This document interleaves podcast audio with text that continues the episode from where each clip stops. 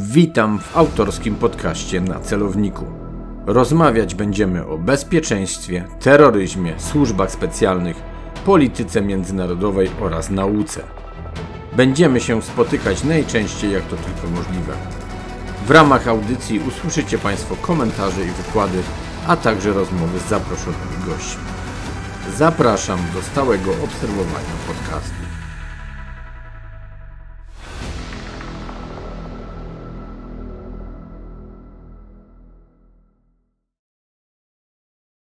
Przy mikrofonie Artur Dubiel, Wyższa Szkoła Bankowa. Dzisiejszym gościem podcastu na celowniku jest Jan Wójcik. Witam serdecznie. Witam, dzień dobry panu, dzień dobry państwu. Jan jest przedstawicielem Fundacji Security for Freedom. Co ważne, także pisze dla miesięcznika Układ Sił. Bardzo się cieszę, że możemy go gościć. Jest specjalistą związanym czy ekspertem z tematami terroryzmu, Rosji, islamu, więc myślę, że tak naprawdę mamy o czym porozmawiać, ponieważ niektóre tematy chyba medialnie pouciekały, prawda Janie? Tak, dziękuję za zaproszenie. Ja tylko skoryguję, że Rosji to w mniejszym stopniu właściwie z tą z Rosją to poprzez ten islam tutaj się pojawiłem. Jako takim mocnym ekspertem od Rosji to ja nie jestem, nie? ale w kwestiach islamu w Rosji możemy porozmawiać tutaj. Ale jest tak faktycznie, że gdzieś ten islam trochę nam uciekł przez, no zwłaszcza niestety przez wojnę na Ukrainie. Znaczy, przez wojnę na Ukrainie on uciekł, z jednej strony pojawił się w dwóch aspektach, praktycznie w jednym, tak? w aspekcie Czeczenów walczących po stronie rosyjskiej, ale również też w aspekcie Czeczenów walczących po stronie ukraińskiej. I w tym momencie tak, jesteśmy skoncentrowani na Ukrainie. To są takie jakby takie wątki, które pojawiają się w mediach, to znaczy tego, że Ramzan Karydow, no jak i muzułmanie w Rosji wspierają generalnie Putina w jego działaniach, a z drugiej strony są Czeczeni związani z opozycją, zarówno, zarówno z tą taką e, nacjonalistyczną, narodowo-wyzwoleńczą, może tutaj lepsze słowo, i islamistyczną, dżihadystyczną, którzy chcą no, walczyć z Rosją w każdym miejscu, nie tylko w Syrii, ale teraz i na Ukrainie. No właśnie, czy Putin tak naprawdę trochę Zachodu, a może i innych kręgów, nie nabrał na pewien swój obraz tego, który ratuje, ratuje różne mniejszości, w tym te religijne, tak? Bo przecież mieliśmy, mamy właściwie dalej problemy z pewnymi mniejszymi czy większymi partiami czy ruchami politycznymi związanymi z pewną polityką imigrancką. No przecież na bazie religii, nie tylko zresztą islamu, on pewien swój obraz, swój przekaz i swoją pozycję buduje. Jak ta dzisiaj relacja właśnie na linii Rosja, islam i w ogóle Rosja, religia wygląda? No Putin, jak to Putin, trochę ma kilka przekazów, w zależności do której grupy chce trafić z tym przekazem. I z jednej strony pamiętamy Putina, który walczył tak naprawdę, zresztą nie tak naprawdę, ale tak jak przedstawiał, to walczył z dżihadystycznym terroryzmem w Czeczeni, tak, a naprawdę podbijał Czeczenię i mordował ludzi. E, islamizacja tego konfliktu, który na początku był konfliktem narodowo-wyzwoleńczym, dopiero tak praktycznie przed drugą i w czasie II wojny e, czeczeńskiej stał się takim konfliktem też z fanatykami religijnymi, to ona, ta islamizacja była na rękę Putinowi, ponieważ mógł się przedstawiać na Zachodzie jako też w ramach tej całej globalnej e, wojny z terroryzmem. I to był jeden taki obraz, i ten obraz był też kierowany do partii antyimigranckich, tej antyimigranckiej prawicy w Europie, e, gdzie Putin, jakby cała propaganda rosyjska łącznie z Duginem przedstawiała Putina jakby jako takiego obrońcę konserwatyzmu wobec tej lewackiej, liberalnej Europy, która sprowadza imigrantów i zaraz tutaj będzie koniec Europy. Oczywiście nie każdy krytyk masowej migracji, nie każdy krytyk islamu politycznego czy terroryzmu, osoba tym się zajmująca, jest tutaj w tej linii z, z rosyjską narracją, no ale te partie ewidentnie, które są blisko Kremla, te, temu urokowi uległy i ja pamiętam, kiedy narodziła się Pegida, tak, z której potem wzięło się AfD, wzięło siły z tego ruchu Pegida, AfD istniał wcześniej, w Niemczech, no to były już takie momenty, że były jakieś demonstracje liczące 2-3 tysiące osób w kolonii, a rosyjski kanał państwowy Russia Today na YouTubie robił całą transmisję trzygodzinną z tej demonstracji. Więc to było pokazane, jak Rosja próbuje zbliżyć się do tych e, organizacji. To nie jest żadna nowość. Ta strategia Rosji, czy wcześniej Związku Radzieckiego, Rosja wcześniej współpracowała też z ruchami socjalistycznymi, ruchami ekologicznymi. Poprzez jakby zbieżność narracji uda, udawało im się wpływać i potem destabilizować no, politykę na Zachodzie i mam tutaj do czynienia z tym samym. Y, z drugiej strony, no, może to nie jest do końca wątek na, na, na tą rozmowę, ale to też jest kwestia tego, że pewne polityczne wnioski tych ruchów, te do, żądania tych ruchów, które wtedy zostały otoczone kordonem, one dzisiaj są realizowane też przez partie mainstreamu, więc tak naprawdę to też jest polityka, czy to jest też pytanie, czy wypychając na margines te partie polityczne, czy my nie tworzymy po prostu wtedy właśnie takiego, sam, sam, sami ich nie wpychamy trochę w te ręce Rosji. No ale to była, wracając do tego, to była opowieść Rosji o tym, jak jest, natomiast sytuacja tak naprawdę w Rosji samej wygląda zupełnie inaczej. I y, jeżeli po prostu mówimy o tym, mówimy o tych krajach, które niedługo zostaną na zachodzie zislamizowane, jeżeli te partie antymigranckie przedstawiają taką, taki obraz, to tak naprawdę największe szanse ma na to Rosja z tych wszystkich państw, ponieważ e, Rosja kurczy się demograficznie. Według ONZ ma do 2050 roku liczyć 135, a w wariancie gorszym 125 milionów osób, ale nie kurczy się jednolicie. Kurczy się ludność rosyjska, na przykład e, ludność muzułmańska w Rosji cały czas rośnie. I jak e, w takiej książce Ostatnie dni Europy Walter Laquer, historyk urodzony we Wrocławiu, jeszcze za czasów niemieckich, pisał o tym, że no w tej chwili w Rosji jest 15 do 20 milionów muzułmanów, bo to są różne szacunki, plus 5 milionów gasarbeiterów. Teraz może troszeczkę mniej, bo, bo jest kryzys, więc część musiała wyjechać. Dzietność muzułmanów jest dużo wyższa niż rosyjska, średnia 1,2 e, dziecka na rodzinę, tak, na kobietę. Więc e, tu mamy do czynienia z taką zmianą proporcji. Na, na, przykład to są różne szacunki, bo Pew Research na przykład mówi, że w ciągu de dekady populacja muzułmanów urośnie do 18,6 milionów e, i dalej będzie rosła o jakieś 0,6% rocznie. Rada muftich rosyjskich która no, trzeba tutaj wziąć pewną poprawkę, bo no, no jakby wyższe wyniki są dla nich bardziej korzystne, ale mówią, że w 2035 roku muzułmanie mają stanowić 30% populacji Rosji, czyli około 30-40 milionów ludzi. E, Jamestown Foundation, e, organizacja zajmująca się terroryzmem, mówi tutaj o grup, o takich liczbach, ale w 2050 roku. Obojętnie jakie te liczby będą, jakie one są rzeczywiście, to kierunek jest jakby jasny i co na to wpływa? Przede wszystkim czynniki kulturowe, to znaczy mniej rozwodów, bardziej stabilne rodziny, więcej dzieci, inna rola kobiety, mniej alkoholizmu.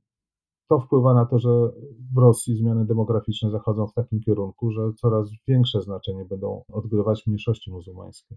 Janie, no z tego co mówisz, to tak naprawdę rodzi się wiele kolejnych pytań i wiele wątpliwości co do samej polityki prowadzonej przez Kreml i czy on sam e, w postaci Putina oczywiście nie wpycha się w pewną pułapkę, ponieważ no, ilość Rosjan e, jest pojęciem takim, które też by można na czynniki pierwszy raz ułożyć, choćby z tego mm, problemu, że to społeczeństwo nie jest jednolite, tak? To są de, de facto dwa okręgi, e, za przeproszeniem, że użyję takiego sformułowania, z czystymi Rosjanami. Cała reszta to są trochę inne nacje skupione pod jedną flagą. Paradoksalnie no, pojawia się tutaj też kwestia samostanowienia państw i to, co Putin robi, czyli podpala pewne ogniska na zachodzie, ale u siebie i oczywiście we własnym otoczeniu nie pozwala już na takie rzeczy. E, ale bardzo ciekawy jest wątek, o którym mówiłeś chociażby o ilości narodzin, o dzietności. Skojarzyło mi się to od razu z tą sytuacją, że skoro w rodzinach muzułmańskich, islamskich rodzi się tych dzieci więcej, Mm, czy nie jest trochę tak, że podobna sytuacja no, na pograniczu tak naprawdę rosyjsko-chińskim, gdzie ta granica sama się przesuwa, tak, bo ona jest dość naturalna. Jest to oczywiście wszystko Chińczykom też na rękę i, i wszyscy udają, że oczywiście tego nie widzą. A jak jest z tą radykalizacją? Ja tutaj w sumie może takie dość złożone to pytanie do ciebie kieruję z kilku wątków, ale, ale to są te jakby najważniejsze y, wnioski, przynajmniej tak mi się wydaje jako odbiorcy tego, co przed chwilą powiedziałeś i jakie tutaj najważniejsze mogą być wnioski, jakie następstwa, jakie konsekwencje? Słuchaj, może ja będę postaram się odpowiedzieć, bo to jest kilka wątków. Jakbym czegoś zapomniał, to mnie dopytasz po prostu. Oczywiście. Przede wszystkim e, zacznijmy od tego, co robi Putin. E, to znaczy, on przyjmuje i właściwie propaguje, i to jest jakby taka e,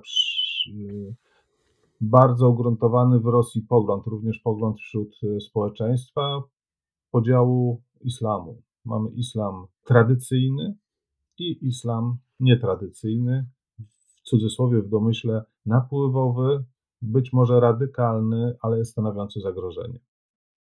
I teraz ten islam tradycyjny to jest troszeczkę podejście takie, jak e, stosowała caryca Katarzyna II, która jest w jakiś sposób idolką Władimira Putina, która po tym okresie, kiedy Iwan Grozny w 1552 zdobył Kazań, podbił Hanat Kazański, ta ludność tatarska była przez długi czas dyskryminowana, to caryca Katarzyna II wprowadziła uznanie religii muzułmańskiej, islamskiej jako religii takiej drugiej w, w cesarstwie, tak? jako religii tradycyjnej cesarstwa. I w ten sposób, że po prostu wymagała posłuszeństwa. Tak?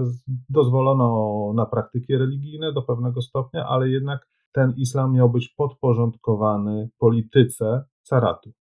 I to samo chce osiągnąć Putin. I on to osiąga, dlatego że jeżeli popatrzymy na kwestię Ramzana Karydowa w Czeczeniu jako namiestnika Putina, który nawet może wprowadzać elementy szariatu, może wymagać nakazów noszenia zasłon, może wprowadzić poligamię, ale jednocześnie jest namiestnikiem Putina i on realizuje interesy Putina przeciwko, dbając o to, żeby w tej e, części Rosji nie pojawiła się nie, po, nie pojawiły się ruchy narodowo-wyzwoleńcze albo ruchy te, terrorystyczne. Z drugiej strony, tak samo w Tatarstanie czy w Bakshiri, mamy do czynienia z, też z elitą muzułmańską, która e, jest mocno połączona z Kremlem obecnie i bardzo popiera też politykę Kremla.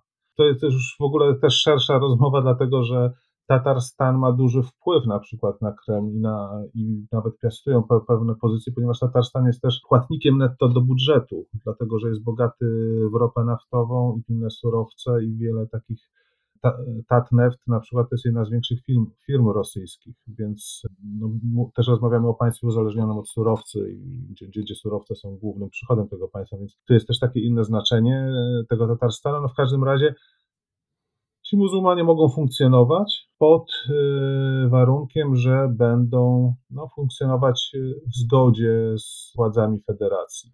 I to jest też, ten ruch jest też widoczny w odchodzeniu od tych autonomii poszczególnych republik, nie tylko do muzułman tatarskich, tak, nie tylko w Czecze, podbiciu Czeczeni, ale w, w latach 90, 92, kiedy te republiki ogłaszały niepodległość, kiedy E, większość obywateli chciała mieć, jakby traktować na przykład Tatarstan jako równe państwo Rosji, czyli na, na tym samym poziomie. Potem nastąpiło jednak dołączenie do federacji, ale z czasem ta autonomia się kurczyła. W 2017 roku, zdaje się, autonomia Tatarstanu wygasła już zupełnie. No w tej chwili jest to republika podległa mm, bezpośrednio federacji z bardzo niewielką autonomią mieliśmy do czynienia na przykład z taką polityką też właśnie, która ma blokować te ruchy odśrodkowe, te ruchy separatystyczne. Na przykład prowadzono dekretem zakaz nauki obowiązkowej drugiego języka, tego języka nierosyjskiego, czyli na przykład w przypadku Tatarstanu tatarskiego. I y, przez długi czas tam w Tatarstanie próbowano, były protesty, no ale w końcu Rosja przysłała prokuratorów i no, sprawa została zaakceptowana. W tej chwili, y, żeby uczyć się tatarskiego w Tatarstanie, trzeba występować o dodatkowe pieniądze i o jakieś. No, no, jest to język już y, nieobowiązkowy w tym kraju.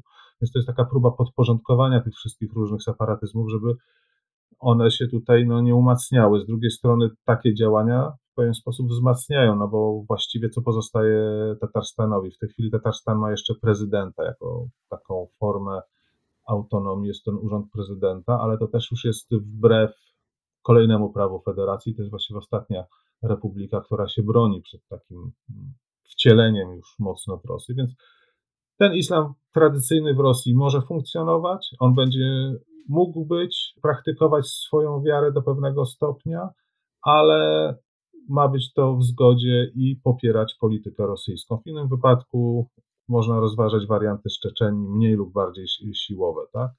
A z drugiej strony jest ten islam nietradycyjny, islam radykalny. W ogóle e, bardzo łatwo, jeżeli już jest się krytycznym wobec władz Rosji, jeżeli jest się muzułmaninem i działa politycznie, otrzymać łatkę wahabity i już wtedy wiadomo, że to jest osoba wroga państwu, prawie terrorysta.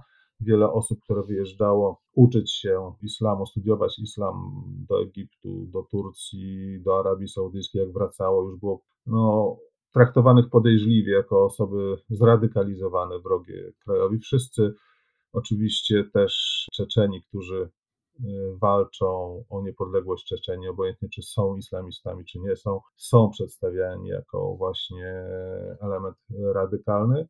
No i jest jeszcze ta cała społeczność y, gastarbeiterów, czyli tych ludzi z, głównie z y, północnego Kaukazu i z Azji Centralnej, z tych byłych republik y, sowieckich, którzy, którzy przyjeżdżają pracować do Rosji. To było dość tradycyjne nawet za czasów Związku Radzieckiego. Jeździło się tam pracować, żeby zarobić i postawić dom na przykład u siebie z powrotem i móc wziąć ślub.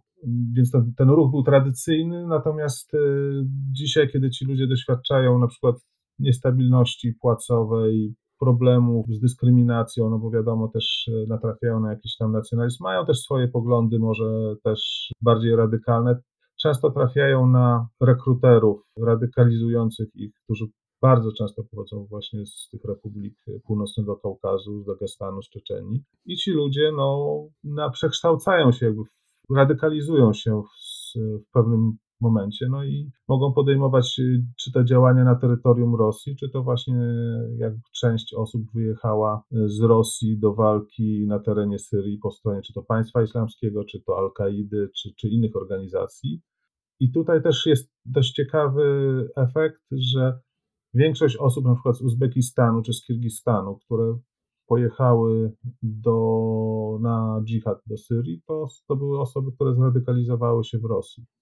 No ale właśnie, wracając do tej radykalizacji, bo z jednej strony Putin próbuje dać coś w rodzaju małego samorządu tym regionom, oddaje im w pewien sposób władzę, oczywiście za to, aby nie przeciwstawiały się, nie próbowały też, y, nie dążyły właśnie do samostanowienia.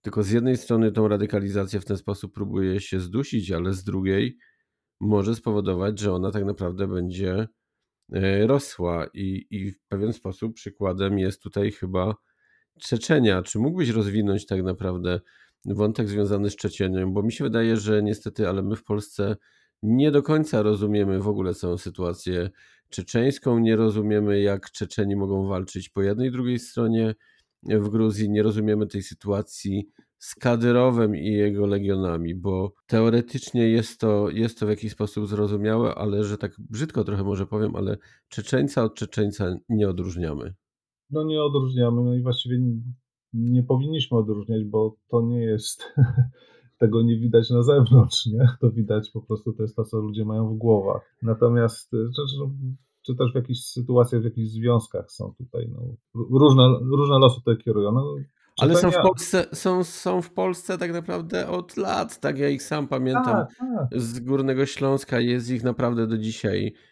do dzisiaj niemało, a, ale chyba nie rozumiemy tej obecnej sytuacji Czeczenii. No obecnej, mówię ogólnie o bieżących dekadach, o może tak.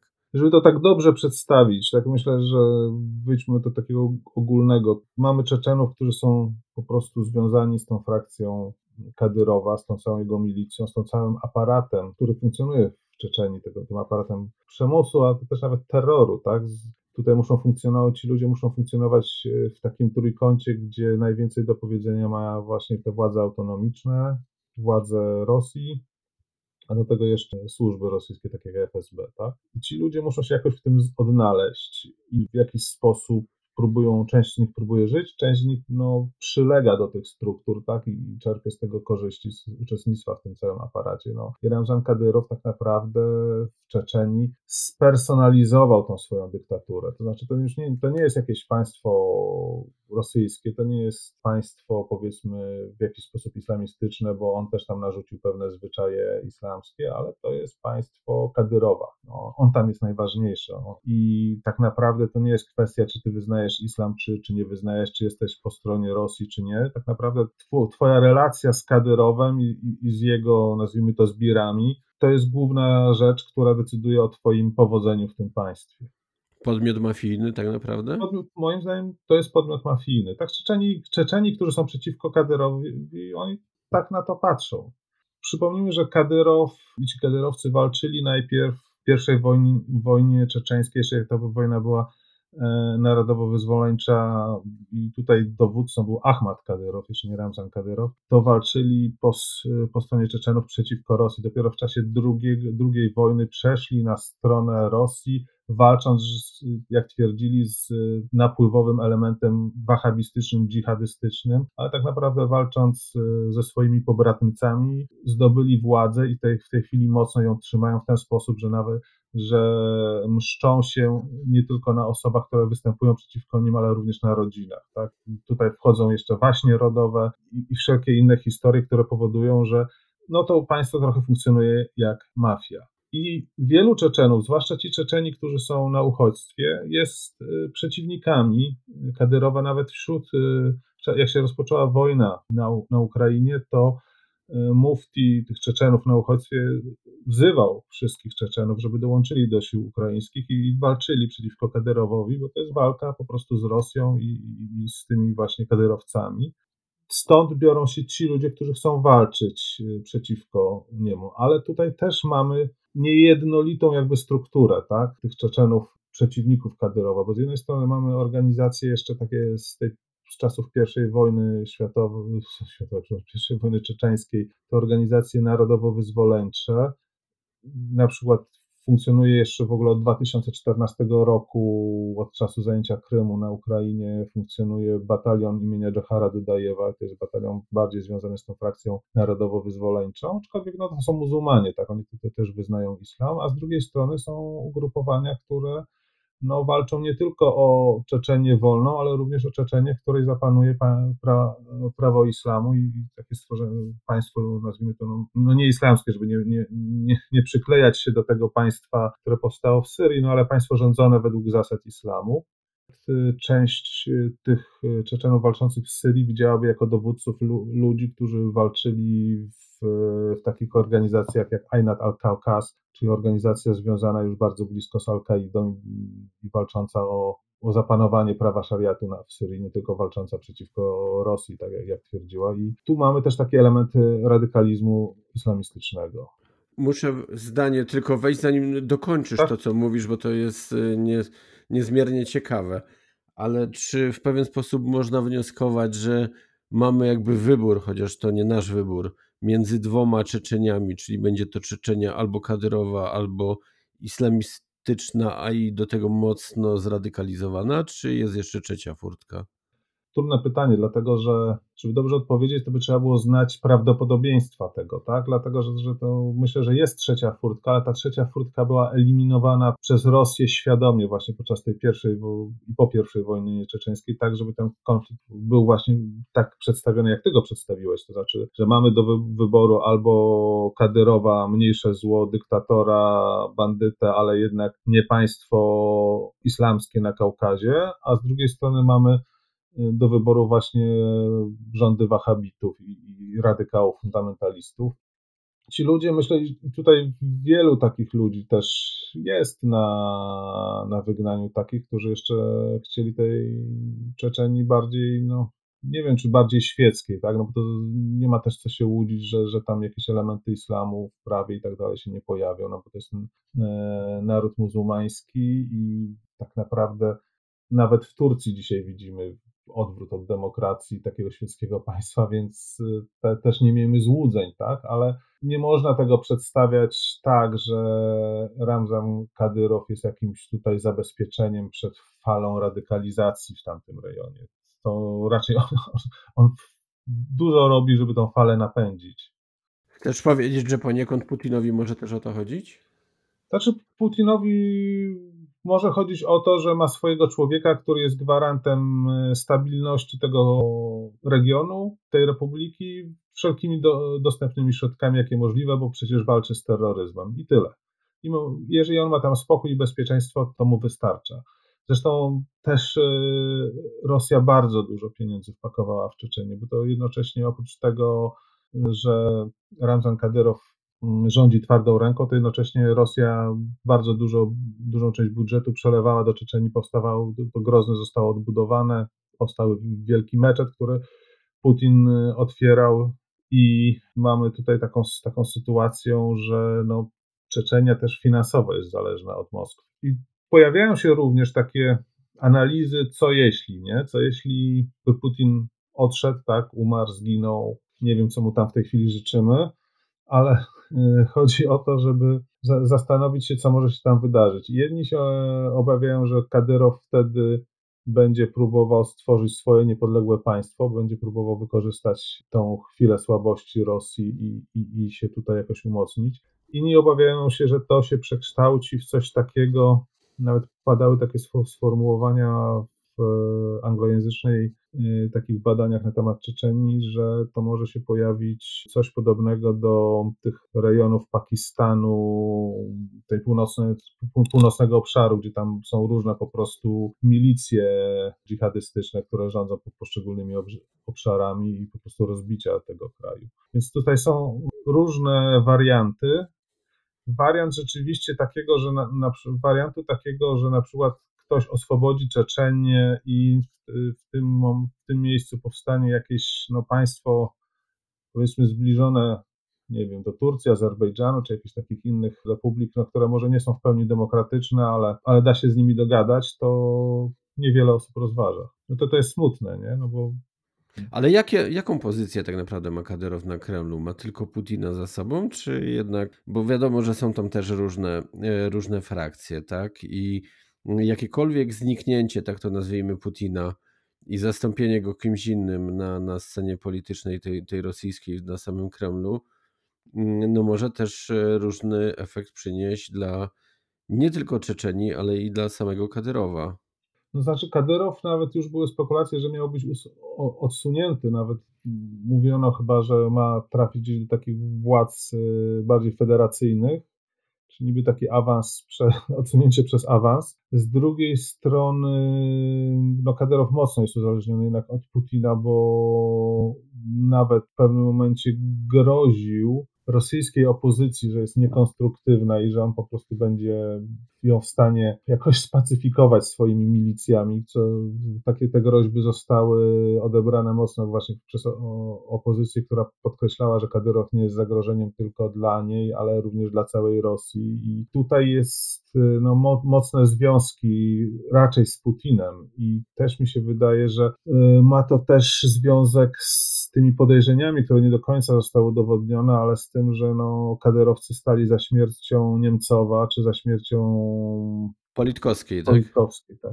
Y, to mi uciekło i on był o to podejrzany, więc jakby tutaj działał troszeczkę widocznie Ale to było, ale to było na własną rękę tak naprawdę, myślisz? Czy... Myślę, że nie, no bo po, po, po co mu to było na własną rękę? Chociaż Niemco, Niemcow krytykował mocno, Niemcow mocno angażował się w krytykowanie tego, co się wydarza w Czeczeni, dyktatury, krytykował też los y, osób z tych środowisk LGBT, o których y, też y, no, było głośno swojego czasu i o prześladowaniu ich w Czeczeni, więc ciężko to powiedzieć, ale na rękę Putinowi to na pewno było. No a jak interpretujesz tak naprawdę ostatnie wystąpienie w pewien sposób Kadyrowa przeciw Pieskowowi? No trochę chyba mogliśmy być zaskoczeni, czy, czy jednak nie? Wiesz, nie, nie mam zdania, tak naprawdę nie jestem w stanie, okay. nie, wiesz, do czego to miałoby prowadzić, tak?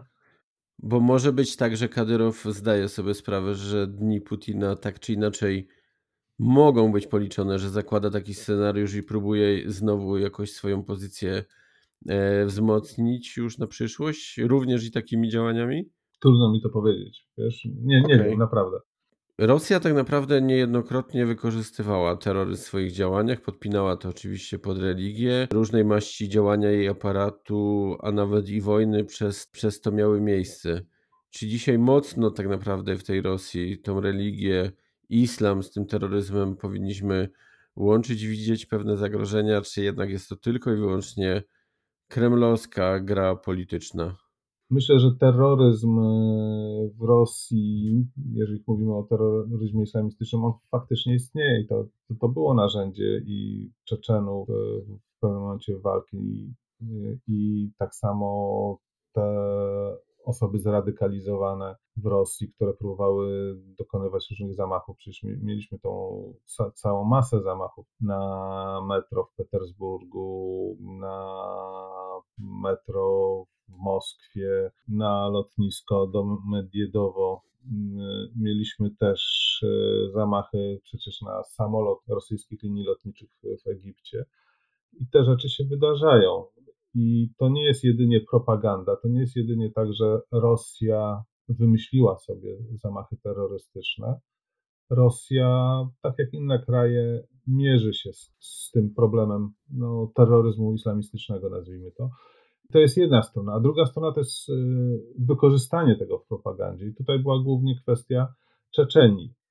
Ale z drugiej strony, jeżeli chodzi na przykład o Francję i karykatury Charlie Hebdo na przykład, to niewiele osób wie, że Władimir Putin skrytykował karykatury Charlie Hebdo, pomimo tych zamachów dokonywanych na redakcję, powiedział, że nie może być tak, że obraża się proroka tak ważnej religii. I tutaj stanął no, po stronie tych w pewien sposób radykałów. I nawet y, były takie plotki związane z tymi pierwszymi karykaturami Mahometa, czyli tymi karykaturami w duńskiej gazecie, które tak naprawdę zamieszki e, odbyły się, zamieszki miały miejsce chyba 2-3 miesiące dopiero po publikacji tych karykatur w 2005 roku, że za tym też stały służby rosyjskie, które w jakiś sposób podżegały e, islamistów do protestów wobec Danii, a miała być to zemsta za to, że Dania wcześniej nie zgodziła się na wydalenie iluś tam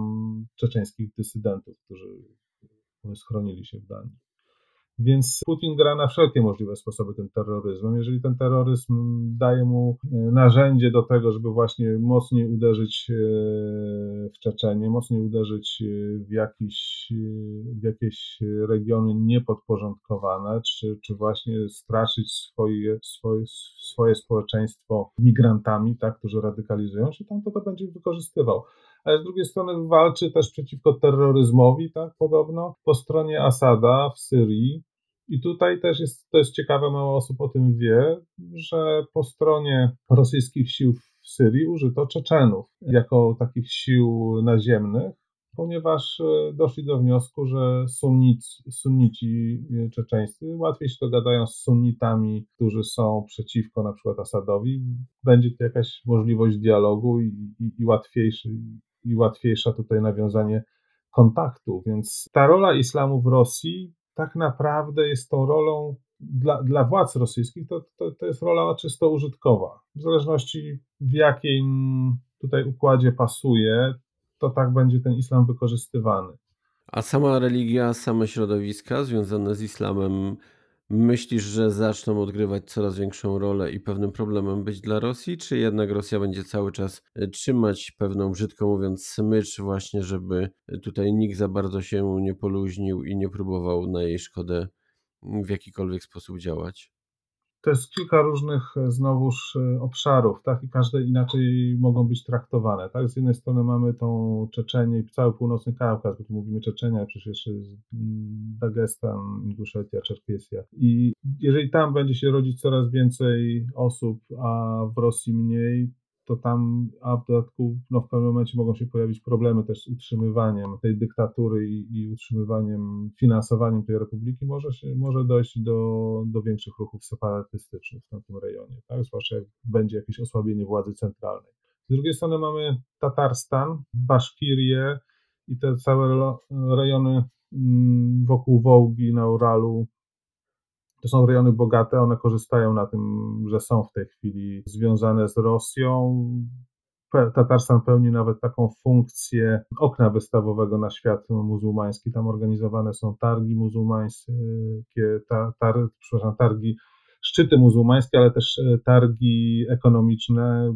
Na przykład 30% inwestycji tureckich w Rosji to trafia do Tatarstanu i Tatarstan się bogaci na byciu relacji z Rosją i te władze Tatarstanu, one też wcale nie są, nie, niespecjalnie zależy na takiej, nazwijmy to, liberalizacji, demokratyzacji, dopóki też są w jakiś sposób u władzy, chociaż to nie jest tak, to nie jest ta sytuacja jak z Czeczenią, to one akceptują to, co się, to, to co przychodzi z Moskwy. I tutaj nie sądzę, żeby w tej chwili nie, nie, pojawiły się jakiekolwiek większe ruchy separatystyczne w tej chwili, ruchy takie, które gdzie, gdzie islam będzie odgrywał, natomiast rolę, natomiast oni próbują odgrywać tą rolę no, poprzez y, relacje z Kremlem poprzez wpływ na, na Kreml, ale jak widać, kiedy pada decyzja o tym, żeby już nie uczyć języka tatarskiego w szkołach innych tych języków, to jest, o czym mówiliśmy wcześniej, to nie są w stanie po prostu tego, temu się przeciwstawić. I trzecia grupa gastarbeiterów, którzy przyjeżdżają, czy, czy, czy, czy tych imigrantów ekonomicznych, którzy przyjeżdżają, no to z jednej strony część się z nich radykalizuje, a duża część potem i tak wyjeżdża, zwłaszcza jeżeli sytuacja ekonomiczna w Rosji się pogarsza, więc te grupy nie będą wpływały mocno na samą Rosję, tak? Ale oczywiście, jeżeli pojawią się ruchy, ten, ten północny Kaukaz może się pojawić ten ruch separatystyczny. Ale jest jeszcze jedna rzecz, gdzie się ten islam nam pojawia, i to o tym pisano już nawet w polskiej prasie, to jest armia rosyjska. Armia rosyjska w coraz mniejszym stopniu jest rosyjska i coraz większym stopniu jest armią złożoną z różnych mniejszości narodowych. I na przykład 60% rekrutów w rejonie Wołgi i Uralu to jest to muzułmanie. I to jest skutek tego, że no, młodzi, bogaci, Rosjanie próbują za wszelką cenę uniknąć służby wojskowej, płaci się łapówki i, próbuje no, uzyskać inną kategorię, a z drugiej strony muzułmanie, dla, dla muzułmanów, ale też dla innych tych mniejszości jest to jakaś chęć awansu, wyjechania gdzieś i takiego, no, ta, ta armia daje pewną możliwość w życiu. I to nie jest też e, znowuż nic nowego. Na przykład e, za czasów Rosji carskiej ko kozakami też byli często Baszkirowie, Tatarzy, y, nawet buddyści z Kałmucji, te, te, te, też rekrutowali się do służby kozackiej. Natomiast coraz, tu jest jakby ta proporcja coraz bardziej zachwiana w stronę mniejszości narodowych i tak naprawdę reprezentacja muzułmanów w armii rosyjskiej jest dużo wyższa niż muzułmanów w społeczeństwie. Czy to będzie miało jakiś wpływ? Na razie to, to są kłótnie o to, czy imam polowy będzie miał takie samo uposażenie i te same warunki, co polowy pop? Tak, brzmi dziwnie, ale ortodoksyjny polowy. Nie, no jasne, rozumiem. Tak. Oczywiście. Ale to, to tworzy pewne ryzyko. O tym właśnie wspominał właśnie Walter Laquer, ale też w polskiej prasie wspominano o tym. Co prawda nie, nie są to jeszcze na tych najwyższych stanowiskach, raczej rekrutują się do niższych y, szarż, no ale to, to, to właśnie może się wraz z rozwojem zmieniać, zwłaszcza z, z rozwojem populacji, która, no, muzułmańska populacja jest młodsza niż populacja rosyjska. I dlatego też, ale z drugiej strony znowuż Rosja w pewien sposób to, to używa, tak? I to było, co mnie tknęło, co tknęło mnie, jak widziałem te zdjęcia z Buczy, tych, y, jak y, pokazywano tych sprawców, Większość to byli ludzie skośnoocy i tacy widać, że, że z dalekich regionów Syberii, nie mówię, czy muzułmanie, czy nie, bo tego nie wiem. Natomiast wyglądało na to, jakby ktoś zadbał w Rosji o to, żeby ta twarz e, mordercy, gwałciciela, złodzieja, zwyrodnialca po prostu nie kojarzyła się z e, niebieskookim blondynem, Rosjaninem. Po prostu, żeby to miała ten wizerunek dzikiej hordy. Janku, ale czy ponad 75 lat temu u nas w sumie było inaczej? Bo wydaje mi się, że niekoniecznie, więc śmiem twierdzić, że ósmą dekadę właściwie jakby w strukturze, w mentalności i w kodzie kulturowym całości obszaru, jakkolwiek byśmy go nie nazwali, ale związanego z Rosją, no niespecjalnie chyba cokolwiek się zmieniło. Tak, nawet, nawet też nie mówiąc tutaj o wykorzystywaniu w Armii Czerwonej, ale również przecież tych jednostek kaukaskich i z Azji Centralnej walczących po stronie Niemiec, tak? To też, też dokonywały tutaj i w Warszawie, i, i na Zamojszczyźnie dokonywali zbrodni, tak? I byli do tego wykorzystywani. I to, to, to jest no to jest pewna polityka, tak, imperium do wykorzystywania tych mniejszości, napuszczania różnych mniejszości na siebie i, i samemu próbowania zachowania jakichś czystych rąk, w cudzysłowie o, o, oczywiście, ale, a, ale tak to zmierza. Ta, taka rola też była tych kadyrowców na początku. No przecież to ogłoszenie to, że kady, y, służby czeczeńscy żołnierze, tak, kadyrowa ruszą na Ukrainę, to miało, być, miało to wzbudzić postrach, no bo wojny w Czeczenii kojarzyły się z brutalnością. Natomiast my tutaj mamy, mieliśmy taką sytuację, zapomnieliśmy, że tej Czeczenii minęło już y, dwie dekady co najmniej i to już zupełnie inni ludzie idą. To nie są ci, ci do, do walki, to nie są ci ludzie, którzy, którzy walczyli w tych y, brutalnych wojnach, więc okazało się, że mieliśmy jakby inny efekt. No ja śmiem twierdzić, że zarówno ci kadyrowcy, jak i ci, którzy z Syrii mieli się pojawiać, no to są doskonali, ale w najeżdżaniu i zastraszaniu, by nie powiedzieć wprost, terroryzowaniu, ale cywili, tak? No, w, walce typowo zbrojnej. No i mam nadzieję, że tak będzie dalej. No nie chcę powiedzieć, że nikłą, ale na pewno niską tak naprawdę jakość bojową wnoszą. No raczej tak to wygląda. Dlatego, ale to też właśnie z tego się bierze, że ci, którzy byli, znaczy przyszli po stronie Kadyrowa z Czeczeni, no to, to rzeczywiście to nie byli ci, którzy walczyli 20, 25 lat, 30 lat temu. Natomiast ci z Syrii tutaj były takie filmy pokazujące, że no dość odważnie posługują się bronią w walce też ci, którzy stanęli po stronie Ukrainy. Tam był taki jakiś filmik właśnie, który wywołał w Polsce, w Polsce nawet dyskusję o tym, czy może jest nadzieja, żeby podpalić Kaukaz jako taką zwiększenie kosztów wojny po stronie Putina. No tam były takie filmiki, które no pokazywa, pokazywały jakieś już takie doświadczenie i obycie bojowe, może nie przeszkolenie, no ale rozumiem, że jak ktoś walczył w Syrii, to jednak stawał przeciwko pewnym regularnym e, oddziałom czy to pochodzącym z Rosji, czy z Syrii, tak? Ja bym jeszcze o jedną rzecz chciał wspomnieć, bo, bo o fajnej rzeczy też ty wspomniałeś, więc chciałbym to w pewien sposób zestawić. Na zajęciach bardzo często studentom mówię, aby kiedy rozmawiamy o wydarzeniach w różnych rejonach świata, żeby jednak co jakiś czas zerkali na mapę. I miejsce, o którym teraz też mówimy, daje bardzo dużo odpowiedzi, bo nie trzeba być e, wyniosłym myślicielem, żeby zrozumieć, dlaczego pewne rzeczy mają miejsce na Ukrainie, wcześniej w Gruzji.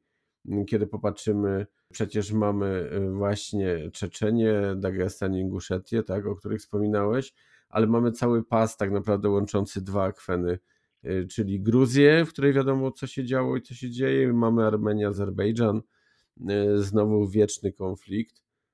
Czy patrząc jakby na to i to, co wspomniałeś, czyli de facto gdzie się islam pojawia, w jakich środowiskach, to czy jesteś w stanie wskazać inne miejsca na mapie Rosji, gdzie islam może być problemem i inne środowiska, ruchy, grupy społeczne, gdzie też może zacząć odgrywać pewną rolę, która niekoniecznie będzie sprzyjała Rosji, która będzie sprzyjała Kremlowi? Region, o którym mówimy, to jest głównie Kaukaz, tak? I tak, to, tak. to jest ten główny rejon. Oprócz tego mamy ten islam w, byłych republikach radzieckich, tak? czyli Uzbekistan, Kazachstan, Kirgistan, tak? Tadżykistan, Turkmenistan. No okej, okay, to, to już nie jest bezpośrednio Rosja, natomiast należą do, do, do wspólnoty tych rosyjskich państw i ale też tam pewien rozdźwięk już polityczny powoli zaczynamy tak, mieć. Już nie tak chcą wspierać politykę. Kazachstan bardzo, Kazachstan bardzo zaskoczył, no bo z jednej strony tak e, nie poparł mocno Rosji, potępił wojnę na Ukrainie, a przecież raptem miesiąc temu była interwencja, miesiąc nie temu, tylko miesiąc przed zaczęciem wojny w Ukrainie była interwencja w Kazachstanie, tak, e, Rosji, żeby no tak naprawdę przypieczętować zmianę e, władzy Hmm. I no, zabezpieczyć interesy Rosji, tak? Więc teraz Kazachstan próbuje odgrywać e, taką bardziej niezależną rolę. No pytanie, mi się wydaje, że dużo, duże pytanie o to, jak te republiki będą się zachowywały i tak naprawdę też pogranicze tych republik, bo tam też pewno są mniejszości muzułmańskie, to jest kwestia relacji Chin, tak? Jak, jeżeli Chiny zaczną, będą chciały bardziej występować przeciwko Rosji, no to te republiki, które są mocno ekonomicznie związane z Chinami, mogą też zacząć w jakiś sposób działać tutaj.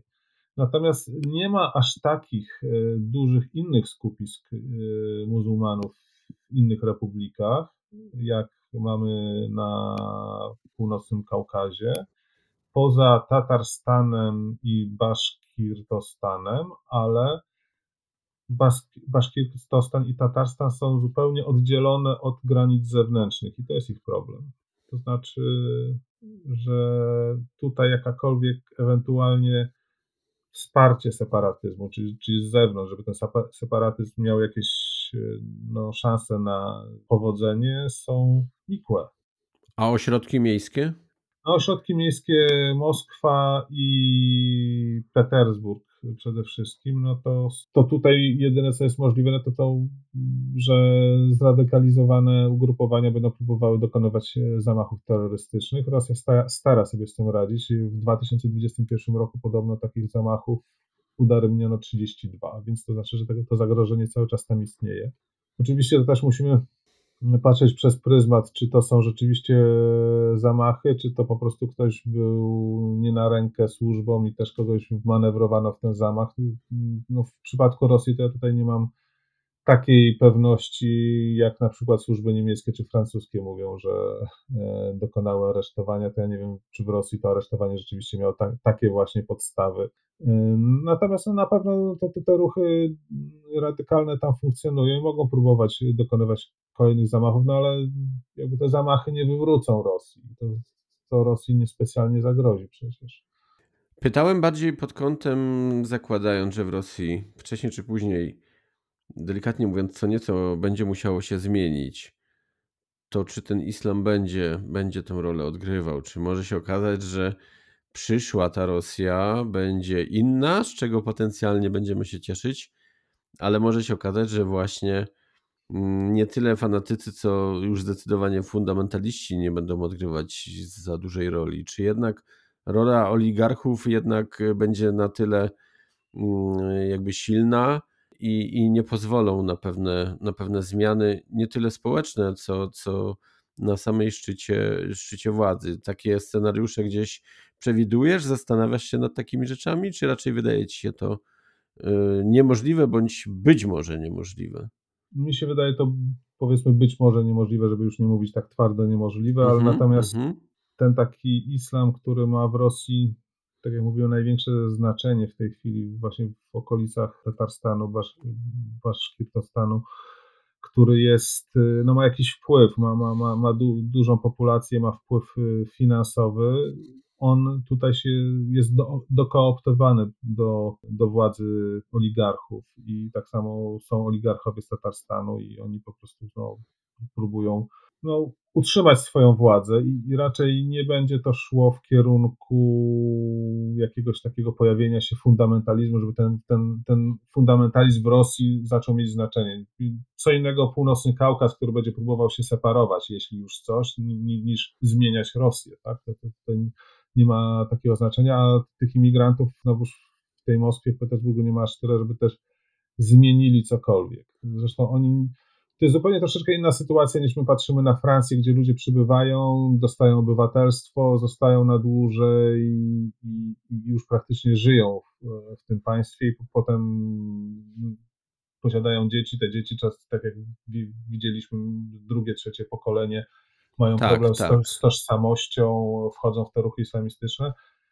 To, to tak w Rosji nie, nie wygląda. Ten, ten, ta imigracja jest bardziej płynna przyjeżdżają, wyjeżdżają, nie ma, nie ma takiego mocnego zakorzenienia, aczkolwiek no, wiadomo, część osób zostaje, ale to nie, nie jest ten ruch. Natomiast y, też y, Rosja jakby wspólnie z tym islamem tak zwanym tradycyjnym wypracowuje jakiś model istnienia tego islamu w Rosji, czyli, czyli tego islamu, który oddaje cześć Allahowi, ale i ogarek carowi. Nie? I, i, na przykład w Rosji od 2013 roku jest zakaz chodzenia w chustach do szkoły.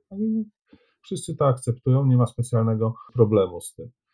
I ten, ten, ten, zresztą ten islam, ten y, tatarski też y, też musimy wiedzieć, że, że był pod wpływem takiego mocnym ruchu w XIX wieku dżadidyzmu. To był ruch, który można by na dzisiejsze na potrzeby takiego uproszczenia nazwać czymś takim jak właśnie euroislam, czyli taki islam, który przyjmuje pewne cechy zachodu, cechy nowoczesności.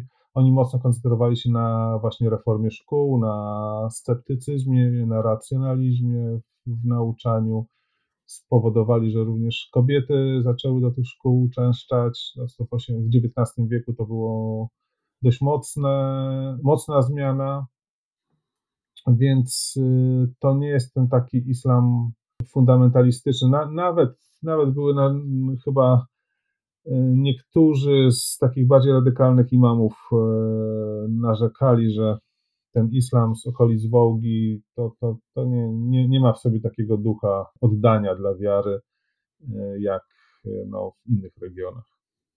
Janie, temat Tatarów. Mamy Tatarów też w Polsce, ale są też na Krymie. Po aneksji Krymu, oczywiście, której cały świat, no prawie cały, nie uznaje, znaleźli się oni w trudnej sytuacji. Czy chcieli tego, czy nie, zostali w pewien sposób postawieni jakby w opcji przeciwko. No i zaczęły się problemy. Czy wiesz, jak to tak naprawdę wyglądało, jak to wygląda dzisiaj?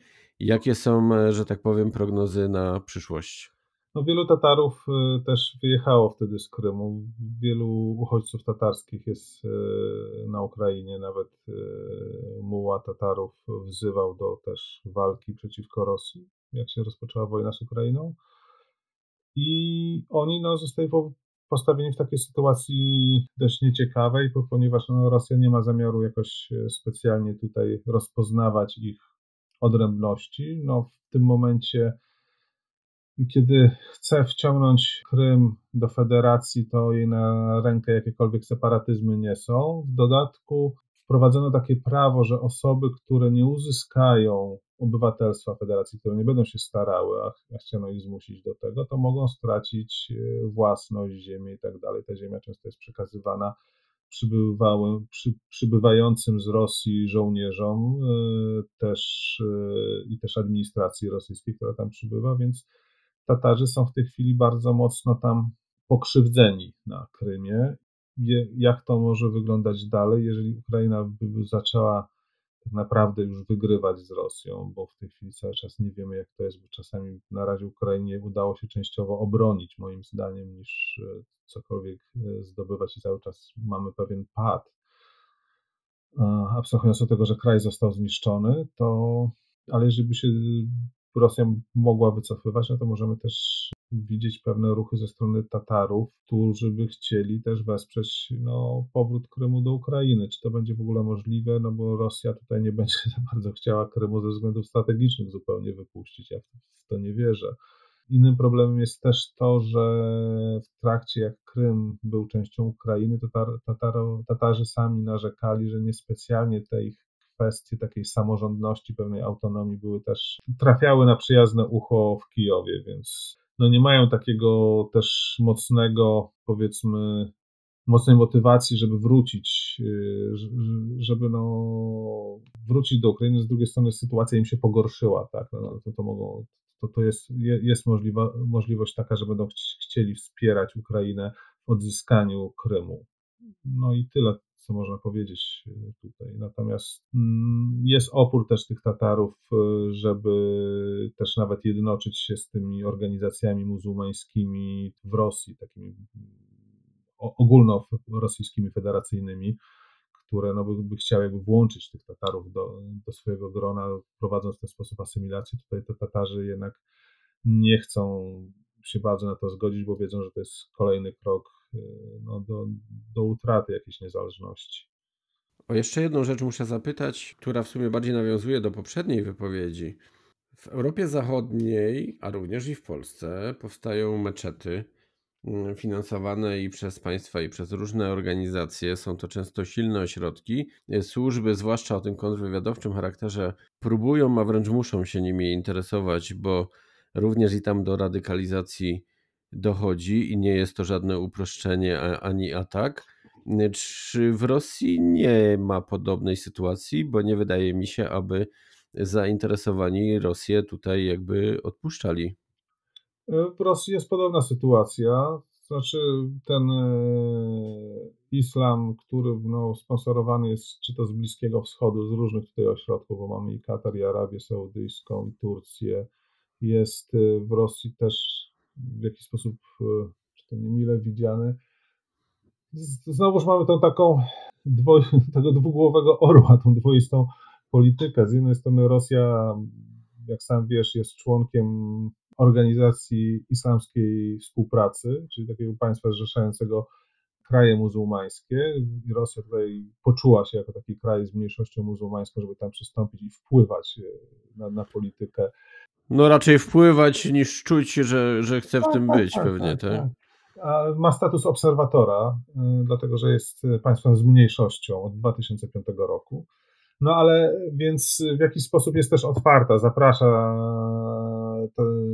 inwestorów z tych krajów oczywiście do Rosji, do inwestowania w Rosji. Natomiast z drugiej strony no nie bardzo by widziała islam, który jest nie pod jej kontrolą, tak? Czyli islam, który może mieć różne wywrotowe idee i teraz na przykład tu mamy różne takie narracje. Z jednej strony osoby o takich poglądach bardziej liberalnych, o takich poglądach, które mówią, no, że powinniśmy respektować prawo do wyznania, jeżeli ludzie nie są, kierują się ku terroryzmowi bezpośrednio, ku przemocy politycznej, no to to właściwie co oni sobie tam wierzą, to nie jest niczyja sprawa i, i ci ludzie na przykład mocno krytykują na przykład, że w Czeczeniu można trafić do więzienia na tortury i tak dalej z powodu tego, że się chodzi nie do tego meczetu, tak? że ten meczet jest uważany za sponsorowany przez wahhabitów i już w ogóle samo pojawienie się tam e, daje ci łatkę. Pojawiają się też organizacje, pytanie, czy te takie duże meczety się budu, są budowane, raczej mniejsze sale modlitewne, pojawiają się organizacje salafickie i to jest ciekawostka, na przykład w, w okręgu Federacji Ural, na Uralu podaje się, że jest około 3000 salafitów. To jest, y, żeby mieć jakąś proporcję tutaj, bo w Niemczech e, służby niemieckie mówią o 11 tysiącach salafitów, gdzieś tam szacują, to że Niemcy są... No i właśnie tutaj muszę się wtrącić, bo pamiętamy sytuację, kiedy salafici właśnie z Berlina i okolic odgrażali się, że zrobią sobie rajd na Polskę. Coś im tam chyba nie poszło, ale jednak jest to jakaś siła, tak? To jest siła, ale teraz chcę tylko dać pewne porównanie. Jeżeli w Niemczech jest ich 11 tysięcy, a Uralu, na Uralu 3 tysiące, to Niemcy są siedmiokrotnie liczniejsi, więc ta proporcja to byłaby tak, jakby w Niemczech było 21, czyli dwa razy więcej tych salafitów niż jest teraz. Więc y, te, te regiony są penetrowane przez te organizacje. Bardzo prężnie też działa również wśród Tatarów, ale wśród też imigrantów, y, głównie organizacja Hizbut Tahrir, to jest y, organizacja panislamistyczna, która chce stworzenia globalnego światowego kalifatu, ale zarzeka się i twierdzi, że robi to i właściwie nie ma innych dowodów na to, że robi to metodami pokojowymi. Ta organizacja jest prześladowana, ona jest zakazana w Rosji, na przykład w Unii Europejskiej jest niezakazana.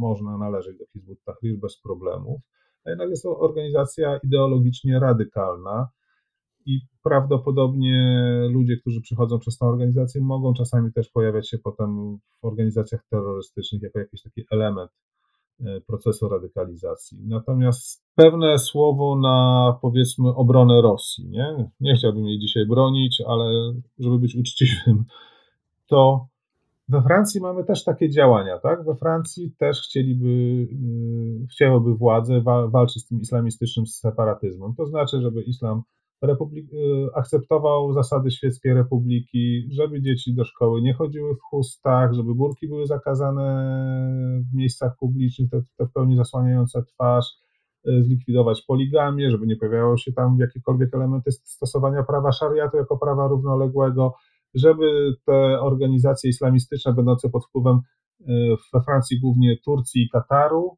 nie miały wpływu na, na to, nie, nie używały swoich wpływów też czasami do jakichś takich działań przeciwko Francji.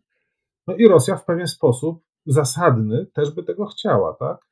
Jakby nie możemy odmówić też, jeżeli zgadzamy się z tym, że Francja prowadzi jakąś rozsądną politykę, Austria, Dania teraz też, to nie możemy mówić, że nie chcielibyśmy, że, że Rosji też tego nie wolno, tak? Problem pojawia się wtedy, kiedy jest to wykorzystywane tak naprawdę Y, jak w Czeczeni, tak do demonizowania opozycji, do przeciwnika i do, do zniszczenia kraju, tak? a, nie, a nie, nie do poprawy w ogóle sytuacji. Tak tworzy się sztuczne, pewnego sztucznego wroga. Nie wszystkie te działania Rosji, które Rosja tutaj wykonuje, są zupełnie pozbawione jakiejś takiej racjonalności, sensu, że są tylko czystą grą polityczną utrzymywania władzy i kontrolowania tych mniejszości muzułmańskich. No właśnie, bo Rosji chyba dzisiaj ciężko zaufać, daleko jej od demokratycznych zasad, już nie mówię od bycia demokratycznym państwem. No i wiemy, jak to zostało wykorzystane w Czeczeni, tak? To mamy, mamy po prostu no, świadomość tego, jak ta retoryka wojny z terroryzmem została wykorzystywana, wykorzystana tak naprawdę do mordowania ludzi. No. no i tak naprawdę Rosja każdy element właściwie potrafi wykorzystywać do, do swojej polityki i wcale tutaj nie patrzy na dobro czy czy na prawa człowieka, więc te porównania z jednej strony mogłyby się wydawać zasadne, z drugiej najpewniej budzą wśród nas, może nie wszystkich, ale jednak y, pewne wątpliwości. Tak, musimy patrzeć na to nie tylko na formę i, i pewną, pewne działanie, ale również na kontekst tego działania i czemu to działanie służy. Tak? I, to, I to jest często różnica pomiędzy właśnie właściwie Moskwą a Francją. Chociaż też niektórzy twierdzą, że Macron całą tą wojnę z separatyzmem wywołał po to, żeby zdobyć głosy, odbić e, prawicy głosy tej antyimigranckiej, niezadowolonej z rozwoju islamu we Francji, ale wydaje mi się, że akurat on tutaj działa bardzo ostrożnie i bardzo dość wybiórczo i sprecyzowanie. No ale to nie o Francji rozmawiamy. Jasne. A małym podsumowaniem, bo rzuciłeś e, dość ciekawym pojęciem, które jest na pewno też dość szerokie, czyli euroislam. Wydaje ci się, że takie jakby ujęcie i, i pewnego rodzaju też proces zmiany, który musiałby postępować w różnych e, państwach i ośrodkach religijnych, jest faktycznie możliwy i czy niesie on e, potencjalne jakieś e, zagrożenia, bo wszystkie takie Mm, jakby koncepcje, które gdzieś tam z przodu mają trochę pan, chyba zazwyczaj trochę się źle kończą. Nie, te, te koncepcje pan to się źle kończą. Natomiast jeżeli mówimy o euroislamie, nie pan euroislamie, mm -hmm, ale mm -hmm.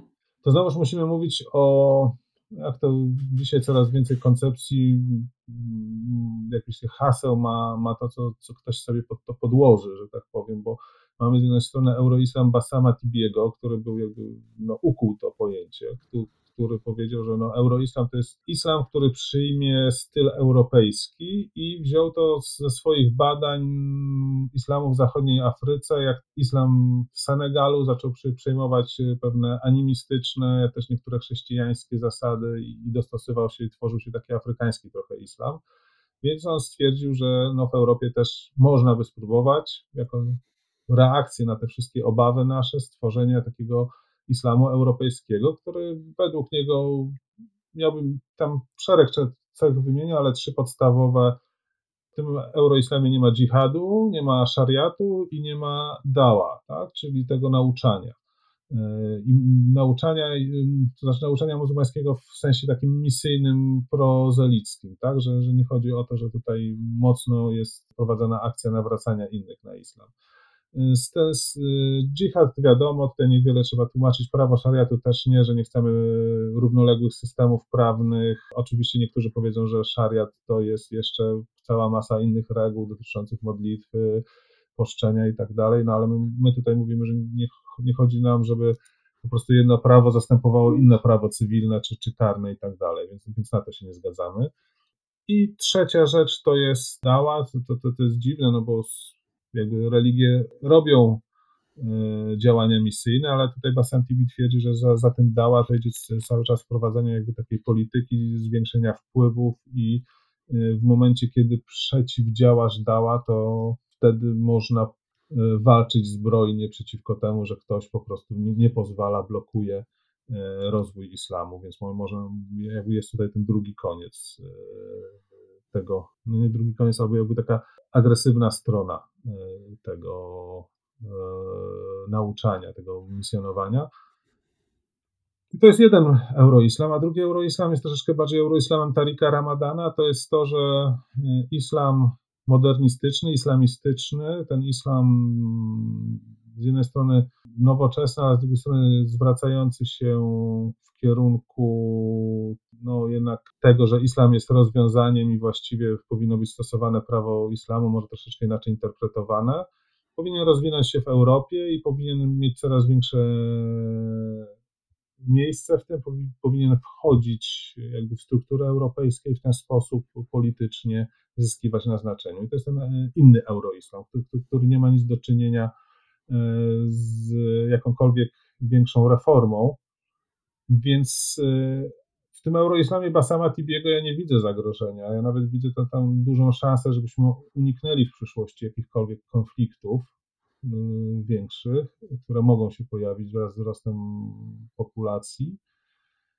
Natomiast w tym islamie Tarika Ramadana, no to, to, to prędzej czy później do, do, dojdzie do sporów, bo ten islam, euroislam Basama Tibiego chciałby się jednak, to, to jest islam, który przyjął nasze reguły gry, tak? czyli duchowość jest sprawą prywatną. Zresztą Basama Tibiego znam, kilka razy miałem okazję spotkać i rozmawiać z nim. No i to, to, to jest osoba, która reprezentuje ten euroislam, to znaczy, że tam nie ma problemu, czy on poda rękę kobiecie, czy rozmawia, czy siądzie przy stole z alkoholem i tak dalej. Jest, jest tą swoją duchowość, on to tłumaczy. On również wyznaje tą duchowość, ale jeżeli poda rękę kobiecie, to ją po prostu umyje, a nie robi cyrku, po prostu, że, że nie poda. Nie? po prostu musi ją umyć przed modlitwą, modlitwa od niego to wymaga, ale to już jest jego sfera prywatna, nikomu nic do tego. Nie? I ten euroislam, on się nawet e, coraz bardziej zaczął rozwijać e, w odpowiedzi na radykalizm. Jest coraz więcej osób, które ponoszą głos konieczności różnej reformy, e, innego odczytania islamu, innego odczytania Koranu, nawet powrotu do pewnych takich mutazylickich, czyli takich sekularystycznych, nazwałbym to na razie może tak upraszczając, debat z początków islamu w ogóle, które miały miejsce. Ale czy problem jest to, że to są środowiska niepołączone ze sobą, nie mają dobrych organizacji reprezentacyjnych, nie są dofinansowane, a po drugiej stronie mają no, lepiej doposażone organizacje z Bractwa Muzułmańskiego, organizacje wspierane przez Turcję, będące praktycznie narzędziem Turcji. Tutaj to jest, y, wiesz, no pytanie o to, co my nazywamy tym euroislamem i jaki ten islam w Europie byśmy chcieli widzieć, bo on będzie, tak? I tym sposobem trochę niechcący przedziłeś moje kolejne pytanie, bo chciałem Ciebie zapytać jako e, eksperta właśnie jak, e, jak to widzisz, czy widzisz tutaj szanse, czy widzisz pewne zagrożenia. Także bardzo się cieszę, że ten wątek także rozwinąłeś. No to jest wątek daleki troszeczkę od Rosji, o którym my rozmawiamy, chociaż, no tak jak mówiłem, te pewne zjawiska pojawiają się tak samo tam, jak i tutaj. Wiesz, my też mamy do czynienia z mniejszością czeczeńską w Europie, która z jednej strony ludzie, niektórzy są świetnie zintegrowani i wiesz, mój syn chodzi do szkoły e, z dziewczyną, z dziewczynką w klasie jednej z Czeczenii, tak wiesz, śmiesznie czasami mi mówi, że obydwie jak coś słyszą negatywnego na temat Rosji, na historii, to obydwie z koleżanką z Ukrainy się bardzo cieszą, jakoś to wyrażają po prostu, kiedy to, zadowolenie, kiedy Rosji źle, nie szło, źle szło w historii, a z drugiej strony no, mieliśmy takich y, ludzi jak zabójca Samuela Paty, tak, czyli tego nauczyciela, który chciał dzieciom uświadomić tak, tak kwestie karykatur Mahometa i wolności słowa, no i, i został zabity. I to był imigrant z Czeczeni. Dodajmy, osoba, która nie została, jego rodzice nie zostali przyjęci w Polsce, cofnięci do Czeczeni, dopiero potem trafili do Francji. Zamach w Bostonie e, z tymi dwoma braćmi czasem też nie no, był tak, tak naprawdę? Tak, tak, tak. Dokładnie, tak mi się teraz no, nasunęło. Mieliśmy też taki przykład e, w Sztokholmie, Rahmat Akilow, to był Uzbek, który zradykalizował się właśnie w Moskwie. Przyjechał do Polski, był chyba pół roku w Polsce, potem wjechał do Sztokholmu i tam chyba po dwóch, w sumie nie, nie, nie będę strzelał, bo nie pamiętam dokładnego okresu, ale tam dopiero dokonał zamachu, wjeżdżając samochodem w ludzi na parkingu. Więc ten, ten, znowu ten wątek radykalizacji w Rosji nie, nie jest zupełnie coś nam, coś, co dla nas jest obcego, dzieje się tam w Rosji, no i tam niech się tam w Rosji dzieje, tylko to czasami też do nas przenika. Zresztą też nawet przy tej całej imigra, tym całym kryzysie imigracyjnym na granicy polsko-białoruskiej, litewsko-białoruskiej, były obawy, że no, służby rosyjskie infiltrują te środowiska, że mogą tutaj być przemycani ludzi, różni ludzie, którzy będą e, stanowić zagrożenie dla bezpieczeństwa tych krajów. Oczywiście nie dotyczy to znowuż wszystkich, którzy próbowali przejść, tylko mówimy o jakichś jednostkach, które są przemycane w ramach dużej grupy, tak? No, żeby być też obiektywnym i, i to trzeba podkreślić, no, w tak dużych grupach, które chociażby teraz też przekraczały raczej Y, granicę polsko-ukraińską, też będą osoby z jakąś kryminalną przeszłością i trzeba się z tym liczyć, ale nie można tak naprawdę, i tutaj apel do nas wszystkich, poprzez jednostki określać całych różnych grup. To myślę, że trzeba sobie jasno i wyraźnie y, powiedzieć. No jasno, tak. Skupiamy się na jednostkach. Oczywiście z drugiej strony, a powiem Ci coś tak naprzeciw. Nie? Z jednej strony tak y, nie możemy tego zrobić, z drugiej strony, jeżeli zajmujemy się analizą pewnych zjawisk, no to musi dojść do pewnej syntezy i określenia ostatecznie, no słuchaj, no tu jest większe zagrożenie, może na te grupy uważajmy, na te nie, tak? Bo, bo wiemy, że powiedzmy, jakbyśmy imigrantów z Wietnamu, to nie będziesz miał